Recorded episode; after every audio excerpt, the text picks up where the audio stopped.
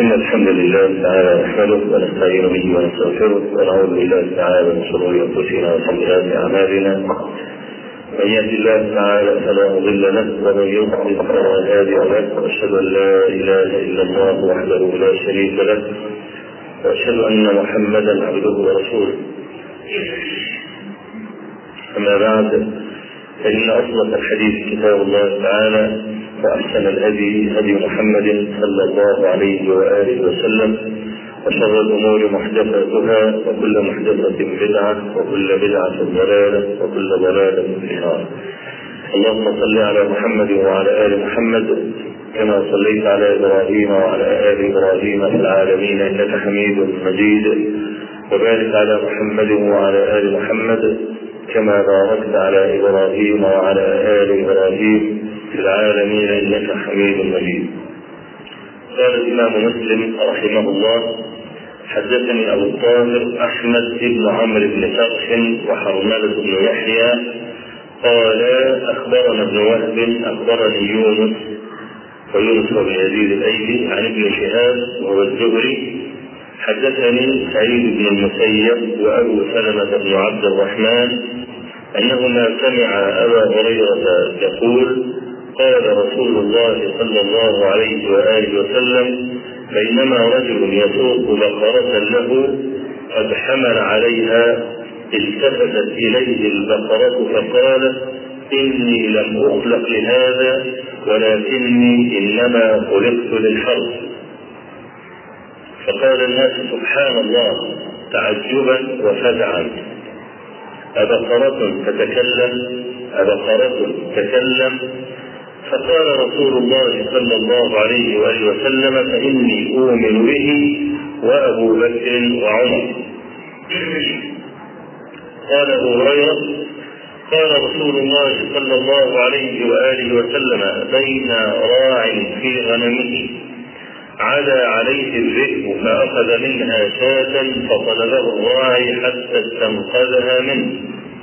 فالتفت إليه الذئب فقال له من لها يوم السبع؟ يوم ليس لها راع غيري. فقال الناس سبحان الله. فقال رسول الله صلى الله عليه وآله وسلم فإني أؤمن بذلك أنا وأبو بكر وعمر.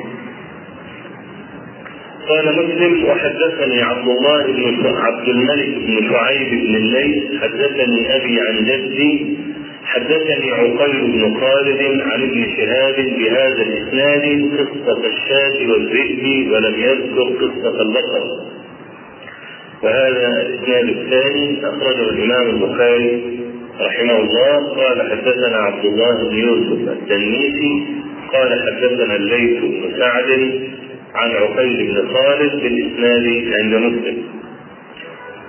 قال مسلم أيضا وحدثنا محمد بن عباد حدثنا سفيان بن عيينة حاء وحدثني محمد بن رافع حدثنا أبو داود الحفري عن سفيان كلاهما عن أبي الزناد عن الأعرج عن أبي سلمة عن أبي هريرة عن النبي صلى الله عليه وآله وسلم بمعنى حديث يونس عن الزهري. وفي حديثهما ذكر البقرة والشاة معا وقال في حديثهما فإني أؤمن به أنا وأبو بكر وعمر وما هما ثم. فالإسناد الأول عند مسلم هنا رواه البخاري رحمه الله في كتاب فضائل الصحابة قال حدثنا علي بن عبد الله اللي هو المديني قال حدثنا سفيان بن عيينة عن أبي الزناد عن الأعرج عن أبي سلمة عن أبي هريرة في الإسناد الأول. أما الإسناد الثاني فالذي رواه الإمام مسلم فأبو داود الحفري اسمه عمر بن سعد وشيخه في هذا الإسناد هو سفيان الثوري. وليس بن عيينة قال مسلم وهو آخر احاديث هذا وهو آخر إسناد لهذا الحديث وحدثناه محمد بن المثنى وابن بشار قالا حدثنا محمد بن جعفر حدثنا شعبة. هذا هي حرف يشير إلى تحويل الإسناد كأن مسلما يقول أنا عندي إسناد آخر لهذا الحديث فيقوم يضرب على الإسناد الأول لا, لا, لا أنا أقصد بالضرب عليه أنه يحرفه ولكن يتوقف عند راو فيه ثم ياتي الإسناد الثاني ويلتقي الإسناد الثاني مع الإسناد الأول عند الراوي المشترك. يعني هو هنا آخر رجل في الإسناد الأول هو شعبة. الأول عند مسلم يقول حدثناه محمد ابن المثنى وابن بشار ابن بشار الوليد هو محمد أيضا كما قلناه قبل.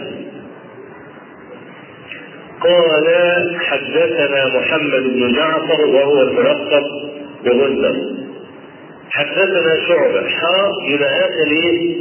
آخر واو الإسناد الأول هو شعبة. وبعدين الإسناد الثاني وحدثنا محمد بن عباد حدثنا سفيان بن عيينة عن مسعر كلاهما عن سعد بن إبراهيم كلاهما اللي هما مين؟ هيبقى شعبة ومسعر خلاص؟ يبقى شعبة بن الحجاج ومسعر بن كلاب كلاهما يروي هذا الحديث عن سعد بن إبراهيم عن أبي سلمة عن أبي هريرة عن النبي صلى الله عليه وسلم. الإسناد الأول أخرجه الإمام البخاري في كتاب الحرث والمزارعة عن الشيخ الثاني لمسلم وهو محمد بن بشار. قال البخاري حدثنا محمد ابن بشار قال حدثنا غندر وأنا امبارح قلت إيه؟ قلت ان محمد بن بشار إذا روى محمد بن جعفر إنما يروي عنه بلقبه لا باسمه. حصل ولا نسيته؟ آه محمد بن المثنى لا يقول غندر إنما يسمي غندرا باسمه. يقول حدثنا محمد بن جعفر ولا يذكر لقبه. أما محمد بن بشار فعادته أن يذكر لقب محمد بن جعفر. يقول حدثنا غندر والإسناد الثاني اللي هو محمد بن عباد عن سفيان بن عين عن مسعد أخرجه البخاري في كتاب فضائل الصحابة. قال حدثنا علي بن عبد الله ابن المديني يعني قال حدثنا سفيان بن عيينة عن مسعر عن سعد بن إبراهيم عن أبي سلمة عن أبي هريرة.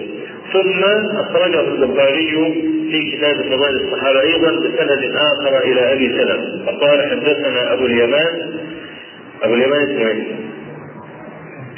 عارف؟ لا. الحكم بن نافع. أبو اليمان هو الحكم ابن نافع وهو أحد مشايخ الإمام أحمد. قال أخبرنا شعيب بن أبي حمزة عن الزهري عن أبي سلمة عن أبي هريرة رضي الله عنه.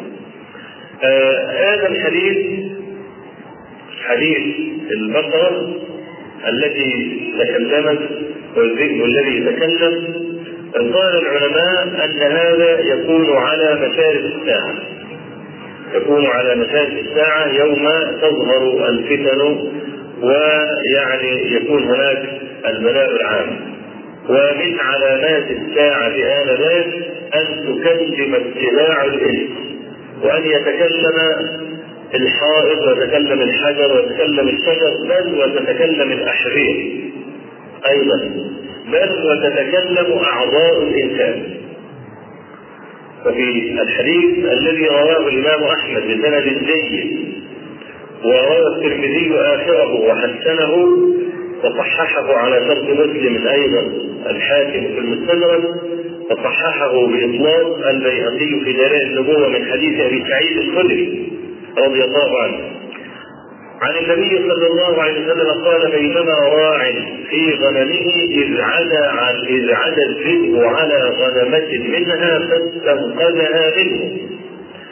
فأقع الذئب على ذنبه وقال للراعي أما تتقي الله؟ أتأخذ مني رزقا ساقه الله إلي؟ ففزع الراعي وقال ما رأيتك اليوم عجبا؟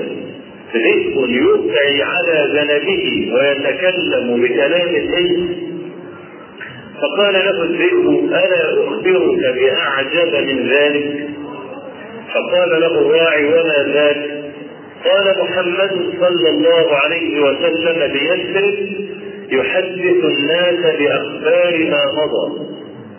فأخذ الراعي غنمه وزواها في زاوية في المدينة وانطلق إلى رسول الله صلى الله عليه وسلم فقص عليه ما جرى.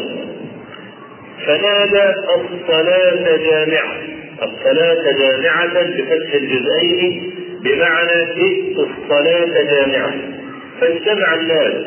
فقال للراعي أخبرهم فأخبرهم الراعي بما كان بينه وبين الذئب فلما انتهى من قصصه قال رسول الله صلى الله عليه وسلم صدق الراعي إن من أشراط الساعة أن تكلم اتباع الإبل وإن الرجل ليخرج فتكلمه نعله وتكلمه عصاه وتكلمه فخذه بما أحدث أهله بعده. يعني هو شيء مثلا أهله في البيت الفخذ تقول له إن أهلك بعدما خرجت فعلوا كذا وكذا وكذا.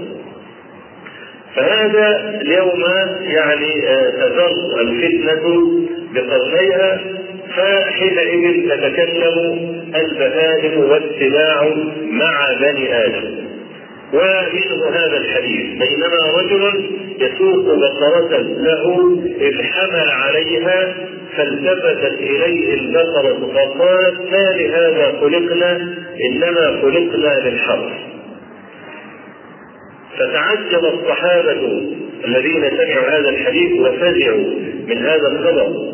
فقال لهم رسول الله صلى الله عليه وسلم فإني أؤمن بهذا أنا وأبو بكر وعمر. فخصهما دون سائر الصحابة بالإيمان الجازم الذي لا يصحبه تعجب كما فعل الصحابة. وفي حديث أبي سلمة في آخر الباب عند مسلم قال وما ثم هما أو وما هما ثم. أي ما كان أبو بكر وعمر في المجلس آنذاك إنما كان غائبين عن هذا المجلس. والنبي عليه الصلاة والسلام قال هذا في غيابهم والجزء الثاني هو قصة الذئب. قال صلى الله عليه وسلم بينما راع بين راع في غنمه إذ عدا عليه الذئب فأخذ منها شاة فطلبه الراعي حتى استنقذها منه. فالتفت إليه الذئب فقال من لها يوم السبع يوم ليس لها راع غيري. والعلماء يقولون هذا أيضا في زمان الفتن يوم يفر الناس من المدن ويلوذون في الجبال خوفا وفزعا من الفتن. فيترك الناس أموالهم. فمن كان له غنم يتركها ومن كان له إبل يتركها وكان له بقر يتركها فرارا بدينهم من الفتن. اللي هو الفتن الذي تموج كموج البحر يصبح الرجل مؤمنا ويمسي كافرا ويمسي مؤمنا ويصبح كافرا. وفي هذه الآونة يمر الحي على قبر الميت فيقول له يا ليتني مكاني. هنا يترك الناس أنعامهم فيضع الذئب فيها يأكل ما يشاء ويدع ما يشاء وله حرية الأكل وحرية السر كأنما هو صاحب الغنم ولذلك يقول له من لها يوم السبع يوم ليس لها راع غيري وإنما يعني قال أنه أنه هو الراعي لأنه هو صاحب التصرف فيها كما كأنه مالك الغنم. باب من فضائل عمر رضي الله تعالى عنه. حدثنا سعيد بن عمرو الاشعثي وأبو الربيع العتكي أبو الربيع اللي هو سليمان ابن داود الزهراني وأبو قريب محمد بن العلاء واللفظ لأبي قريب. قال أبو الربيع حدثنا وقال الآخران أخبرنا. ومسلم رحمه الله ممن يعتني بمثل هذا بذكر ادوات التحمل الاختلاف المعروف فيها بين أهل العلم قديما. كانوا كان بعض أهل العلم يفرق بين حدثنا وبين اخبرنا فيجعلون التحديث ما كان من لفظ الشيء ويجعلون الإخبار ما كان عرضا على الشيء. العرض اللي هو أن يقرأ تلميذ حديث الشيء. خلاص كأنه بيعرض عليه زي القرآن. القرآن لما في التلميذ بيقرأ على الشيء ده اسمه عرض. اسمه عرض يعرض عليه. فكانت العادة إن التلميذ في مسافه العرض دي يقرأ على الشيخ يقول حدثكم فلان قال حدثنا فلان قال حدثنا فلان والشيخ يقر. إما يقول نعم أو يهز رأسه بالموافقة. فده اسمه إيه؟ اسمه عرض. فالعلماء حبوا يفرقوا ما بين العرض والسماع فقال لك اعمل صيغه للعرض. العرض يبقى إيه؟ نقول فيه اخبارنا أما إذا قرأ الشيخ حديثه من لفظه على التلاميذ فيقول لك حدثنا. تمام؟ وفي بعض العلماء بيعكس المسألة دي. وبعض العلماء يسوي بين حدثنا واخبرنا هم أكثر أهل العلم وللصحاوي أبي جعفر الصحاوي صاحب العقيدة الصحاوية له جزء نفيس اسمه التسوية بين حدثنا واخبرنا وأتى بالأحاديث التي التي فيها الوجهان معا مسألة اللي يقرأ على الشيخ والشيخ يقرأ مرة بحدثنا ومرة بأخبارنا. فالإمام مسلم يعني دقته في هذا الباب وكتاب مسلم كتاب أسانيد، اللي عايز يستمتع بالأسانيد يقرأ صحيح مسلم. واللي عايز يستمتع بالفقه يقرأ صحيح البخاري. فمسلم كتاب أسانيد، يعني الأسانيد بتاعت مسلم أسانيد ممتعة فيها صنعة حديثية راقية. قال أبو الربيع حدثنا وقال الآخران أخبرنا ابن المبارك أي أن ثلاثتهم قالوا حدثنا أو أخبرنا عبد الله بن المبارك. عن عمر بن سعيد بن أبي حسين عن ابن أبي مليكة قال سمعت ابن عباس يقول وضع عمر بن الخطاب رضي الله عنه على سريره. أي بعدما مات وضع في نعشه والنعش يقال عنه السرير. فتكلفه الناس أي التفوا حول هذا النعش. يدعون ويثنون ويصلون عليه. قبل ان يرفع. وأنا فيه. قال فلم يرعني إلا برجل أي فلم يفجأني إلا برجل قد أخذ بمنكبي من ورائي. يعني مثل كتابه من الخلف. فالتفت إليه فإذا هو علي رضي الله عنه. فترحم على عمر. وقال ما خلفت أحدا أحب إلي أن ألقى الله بمثل عمله منك. وإن الله إن كنت لأظن أن يجعلك الله مع صاحبيك.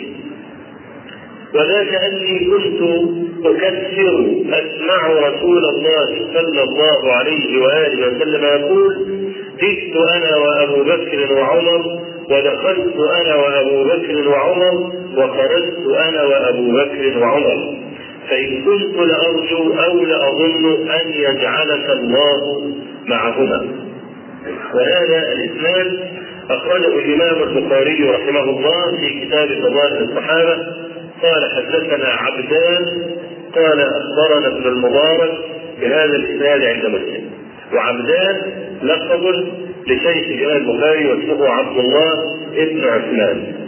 ولماذا لقب بعبدان؟ لأن كان له كنيتان أبو عبد الله وأبو عبد الرحمن. فهو عبد في الكنية الأولى وعبد في الكنية الثانية فهو عبدان. فإيه استشعر عنه أنه هو عبدان هو عبد الله بن عثمان ابن جبلة هو محدث وأبوه محدث أيضا. قال وحدثنا إسحاق بن إبراهيم. إسحاق بن إبراهيم اللي هو الإمام العالم الكبير المعروف إسحاق بن راهويه أحد الأئمة المجتهدين في الحديث وفي الفقه أيضا.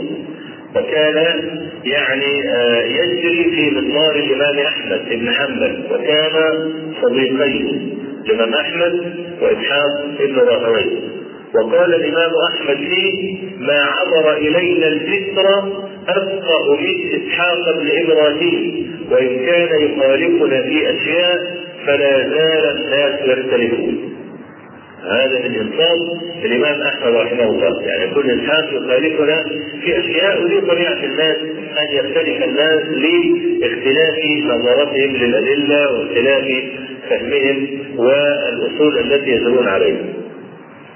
وكان إسحاق ابن راهويه ممن يعتز بعلمه ويعتز بنفسه حتى أنه لم يقتنع بالشافعي رحمه الله وكان له أكثر من مناظره مع الشافعي. وإن كان الشافعي ظهر عليه فيها جميعا وقل ما يغلب الشافعي في مسائل الاستنباط احمد في عدد الأحاديث وقد فقد هذا المسند العظيم ما عدا الجزء الرابع منه وقد نشر الجزء الرابع في خمسة مجلدات. نشر حوالي أربع أو خمس سنوات في خمسة مجلدات. قال مسلم وحدثنا إسحاق بن إبراهيم قال أخبرنا عيسى بن يوسف. أسحاق بن راهوي ما كان يقول حدثنا أبدا.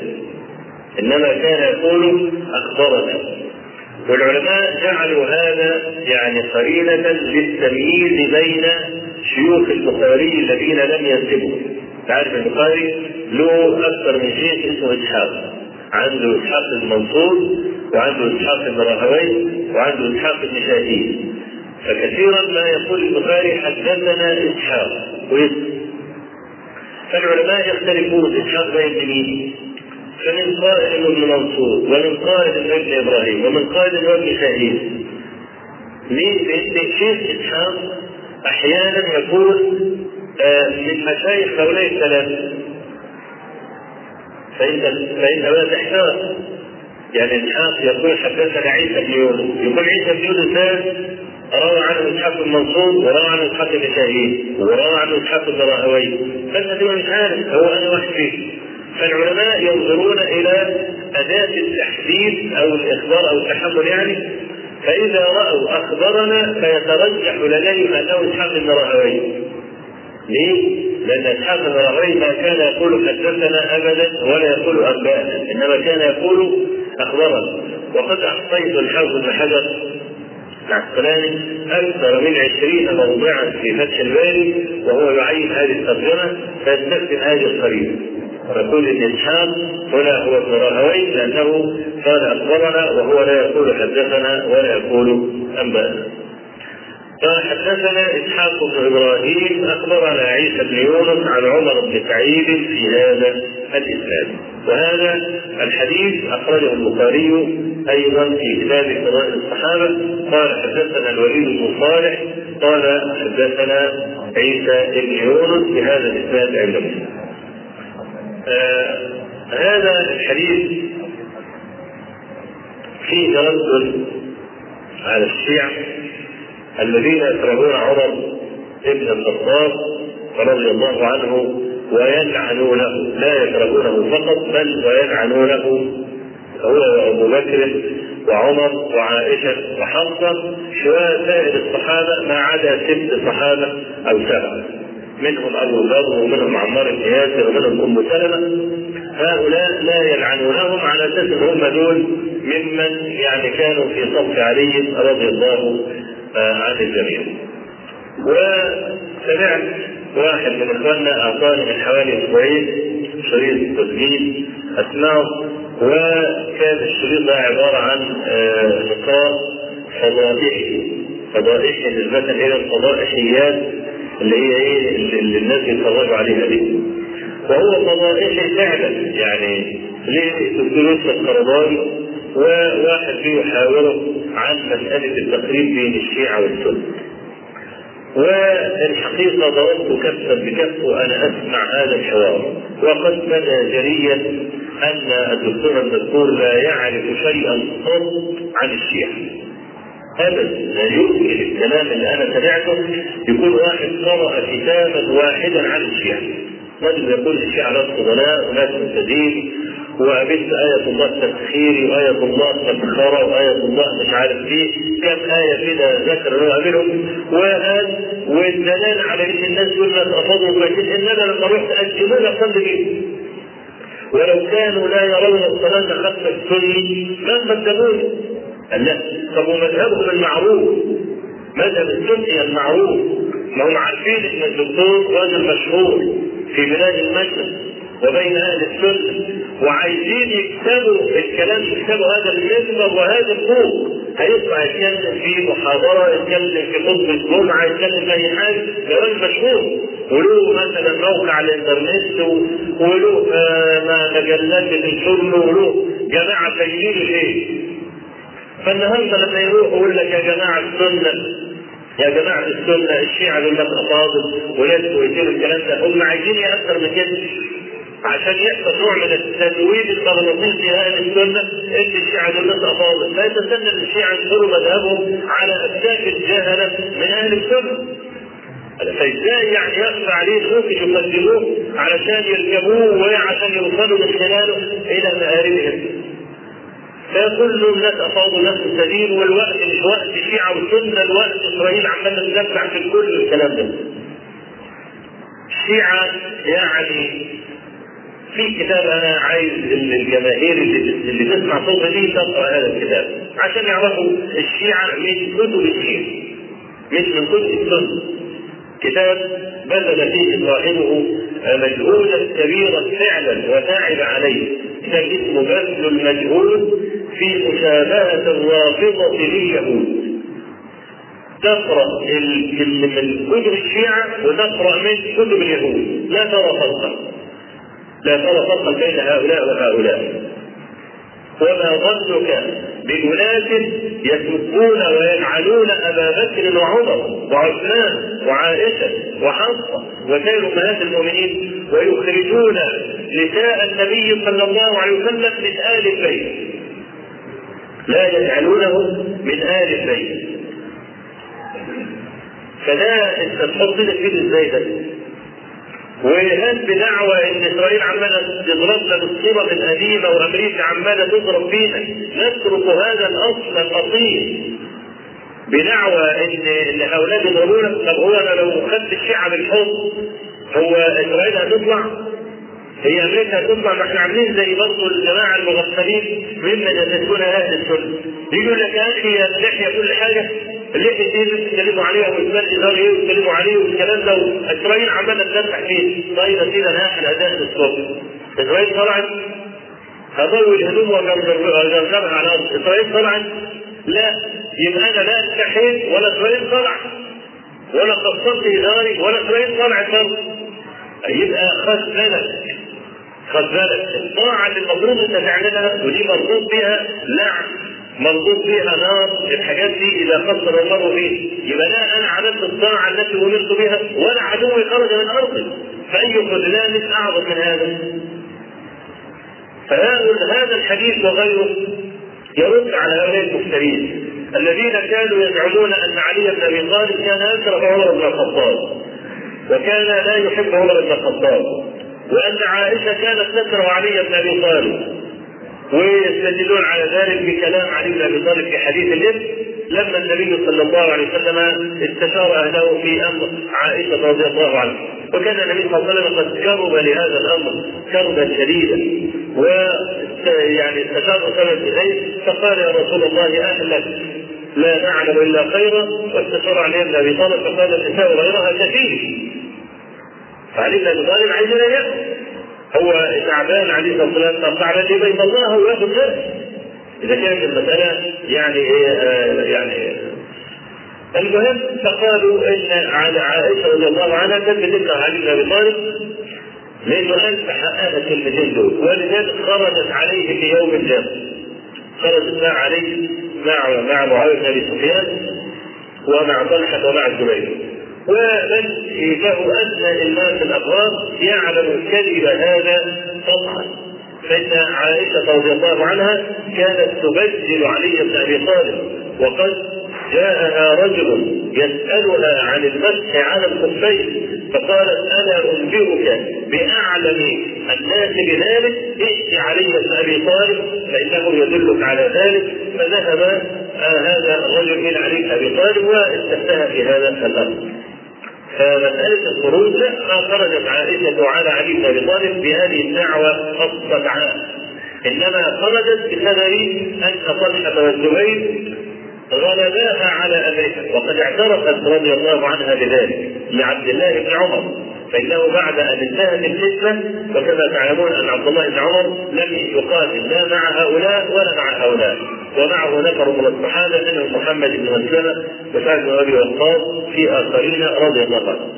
فلما انتهت الفتنة ولزمت عائشة بيتها بعدما رأت العشره الجسيمة واليوم العصيب الذي قتل فيه سبعون ألفا من الجانبين فاعتزلت. ويعني قعدت في بيتها وكلما ذكرت الفتنة تبكي حتى تبل ثمارها فقالت لمولى لها إذا مر أبو عبد الرحمن فآذني به. له عبد الله بن عمر.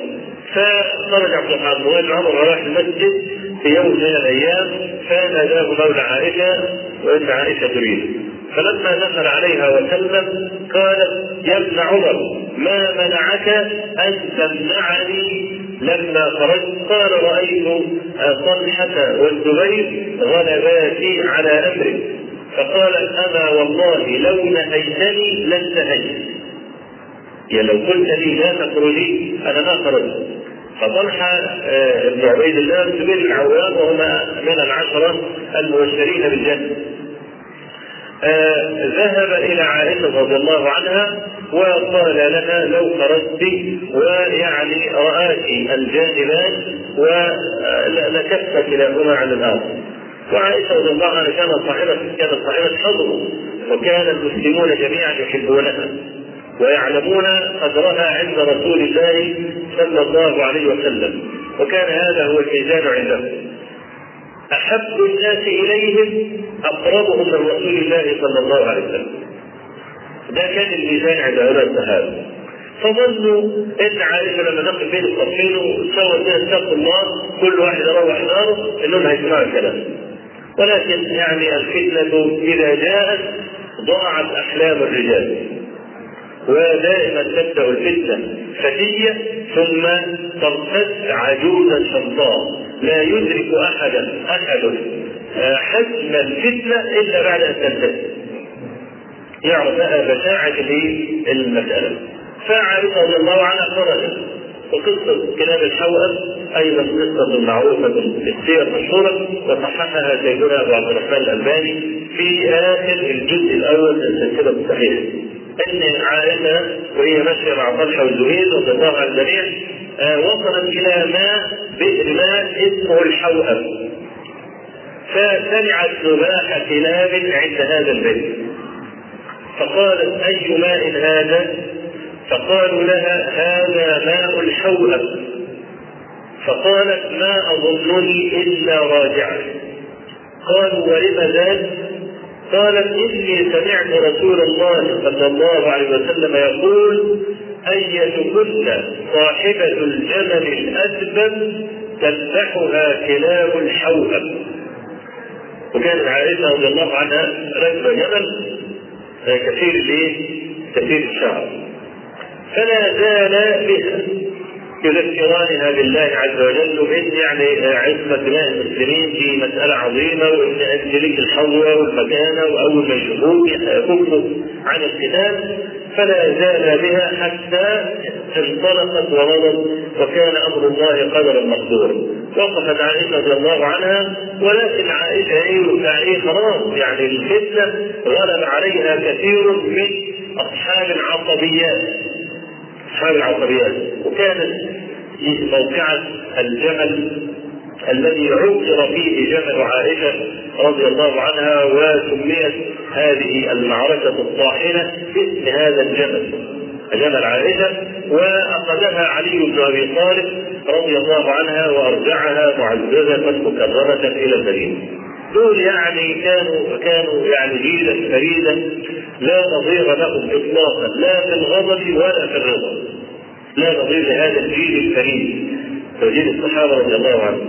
فهنا علي بن أبي طالب يقول وما خلفت أحدا أحب إلي أن ألقى الله بمثل عمله مثلك يقول يعني ما هناك أحد على وجه الأرض له عمل صالح يشرف صاحبه ويبيض وجهه إذا لقي ربه مثلك يا عمر وأنا أتمنى أن اكون أو أن أموت والقى الله بمثل عمله وسيره عمر طبقت الآثار ولكن قبح الله الرافضه هؤلاء الذين خولوا أصحاب النبي صلى الله عليه وسلم ودعموا وآخرهم هذا العز حقا. العز النوح الخميني ومحمد باقر المحمودي وهذا الجن. اللي هم عمالين يقولوا لنا الشيعة وإيران والرافضة والكلام ده. لا نحن براء منه ولا نضع أيدينا في أيديهم حتى نلقى الله عز وجل. ونحن نتبرأ منهم أيضا. كما تبرأ ابن عمر رضي الله عنه من هؤلاء القدرية الذين ظهروا في آخر عهد الصحابة. قال فإذا لقيت هؤلاء فأخبرهم أني بريء منهم وهم براء مني. علي بن أبي طالب يستدل على مكانه عمر بكثره ملازمته لرسول الله صلى الله عليه وسلم. يقول وذلك أنني أكثر كنت أكثر اسمع رسول الله صلى الله عليه وسلم يقول ان يقول كثيرا خرجت أنا وأبو بكر وعمر ودخلت أنا وأبو بكر وعمر وجئت أنا وأبو بكر وعمر وحسبك أن يكون هذا على لسان رسول الله صلى الله عليه وآله وسلم. أقول قولي هذا وأستغفر الله العظيم لي ولكم وصلى الله وسلم وبارك على نبينا محمد والحمد لله رب العالمين.